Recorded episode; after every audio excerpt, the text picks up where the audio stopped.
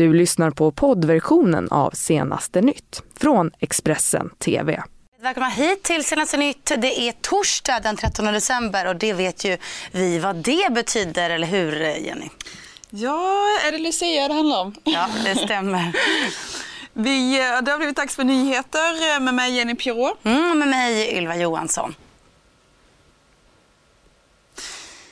26 larm om våldtäkt på bara 48 dagar. Expressen granskar polisens arbete. 720 poliser jagar Sherif Shekat som misstänks för dödsskjutningen i franska Strasbourg. Och Theresa May sitter kvar på posten, gick segrande ur gårdagens misstroendeomröstning. Mm, och eh, nu ska det handla om en eh, granskning från Expressen som handlar om våldtäkter. Hela 26 larm om fullbordade överfallsvåldtäkter eller försök till våldtäkt utomhus eh, på bara 48 dagar. Ja, så har i alla fall hösten sett ut i Sverige alltså när det kommer till antalet polisanmälningar. Tre har hittills lett till åtal, en till fällande dom. Expressens Malin Ros har granskat fallen och träffat flera av offren.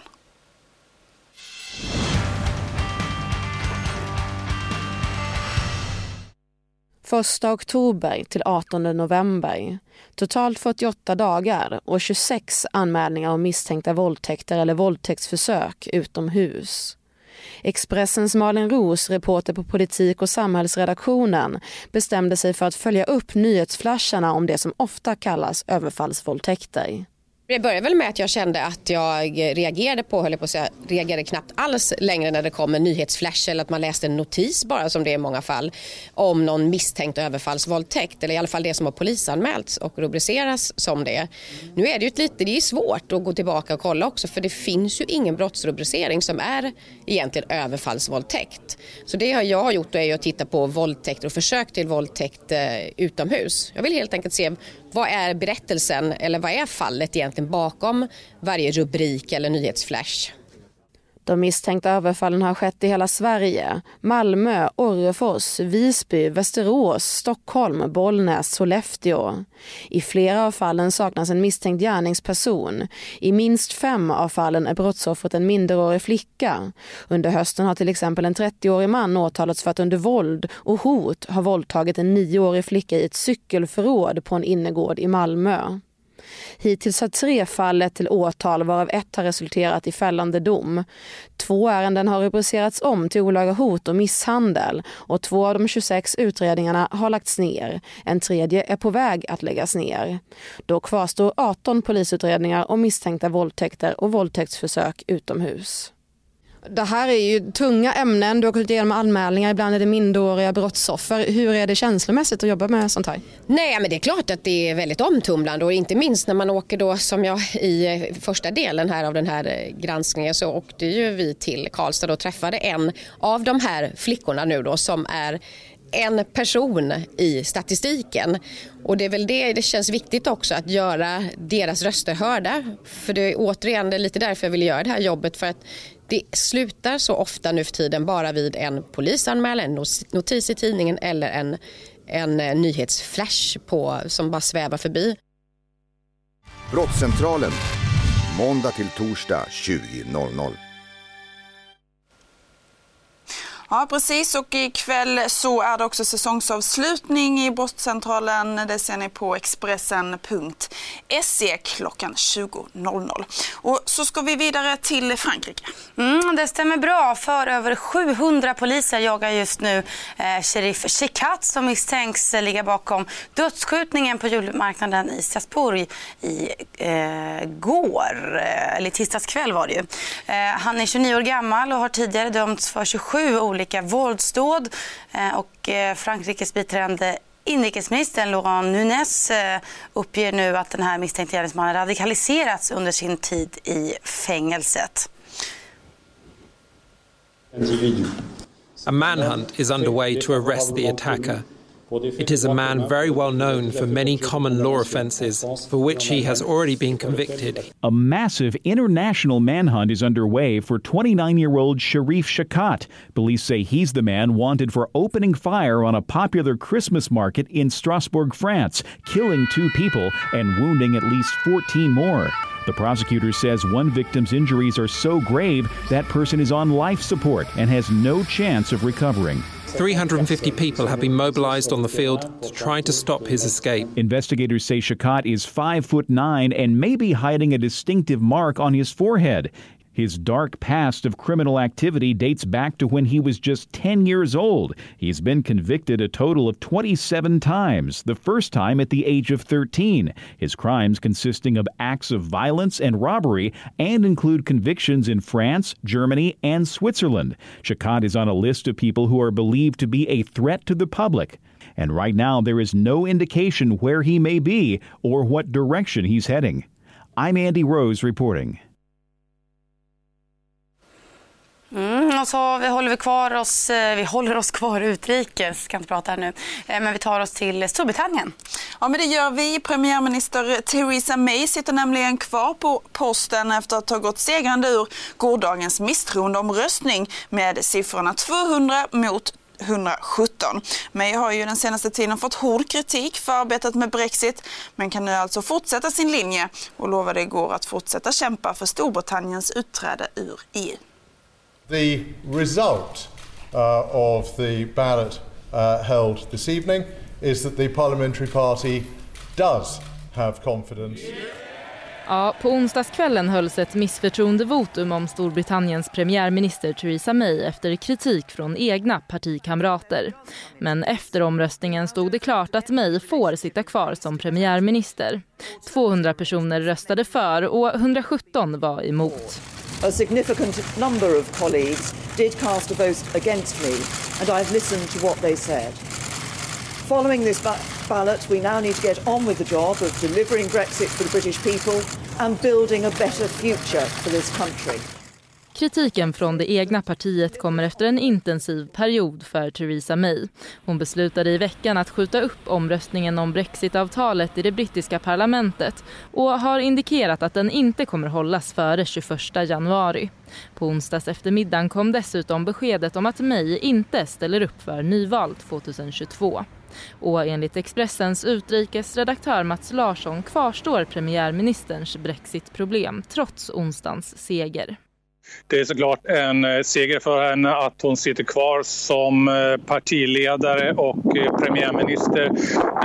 Hon har dock fortfarande såklart inte löst Brexit-överenskommelsen. Mm, igår så kom ju alltså också beskedet att eh, Theresa May inte då kommer ställa upp för omval år 2022. Eh, nu ska det handla om Turkiets president Recep Tayyip Erdogan som meddelade att landet planerar en militär insats mot kurdisk milis i nordöstra Syrien inom några dagar.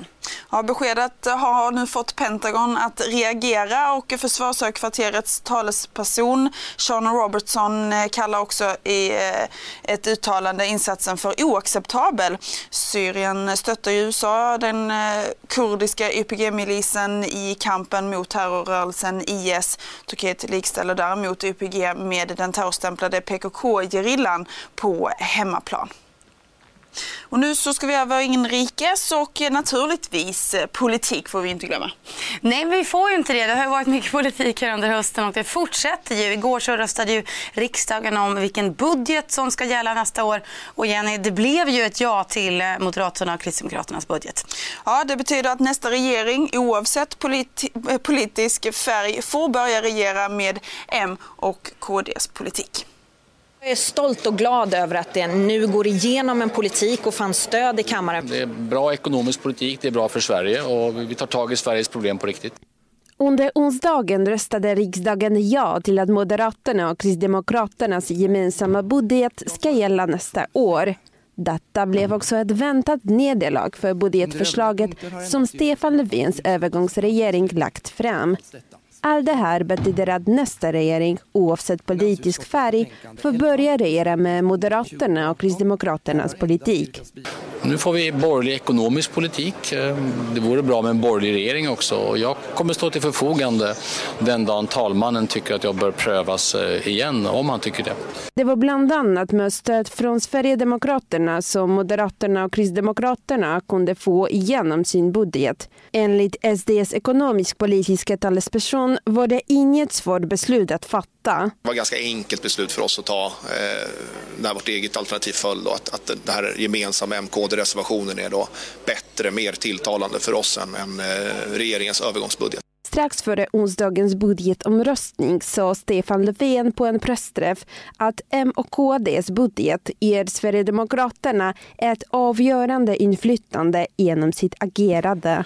Att Moderaterna och Kristdemokraterna nu väljer att göra på det här viset, det är ansvarslöst. Att Sverigedemokraterna visar än en gång att de är villiga att orsaka oordning och kaos genom att bryta praxis, rösta på andras budget, det är mindre förvånande.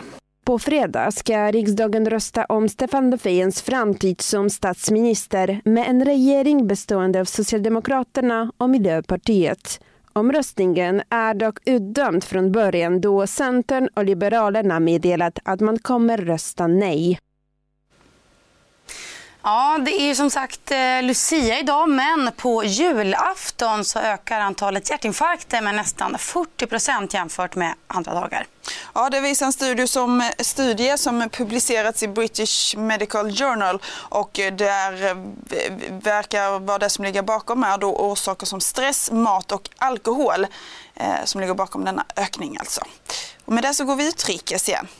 Ja, för vid 22-tiden igår kväll så landade FNs generalsekreterare Antonio Guterres här på Arlanda i Stockholm för att delta i de avslutande samtalen om kriget i Jemen.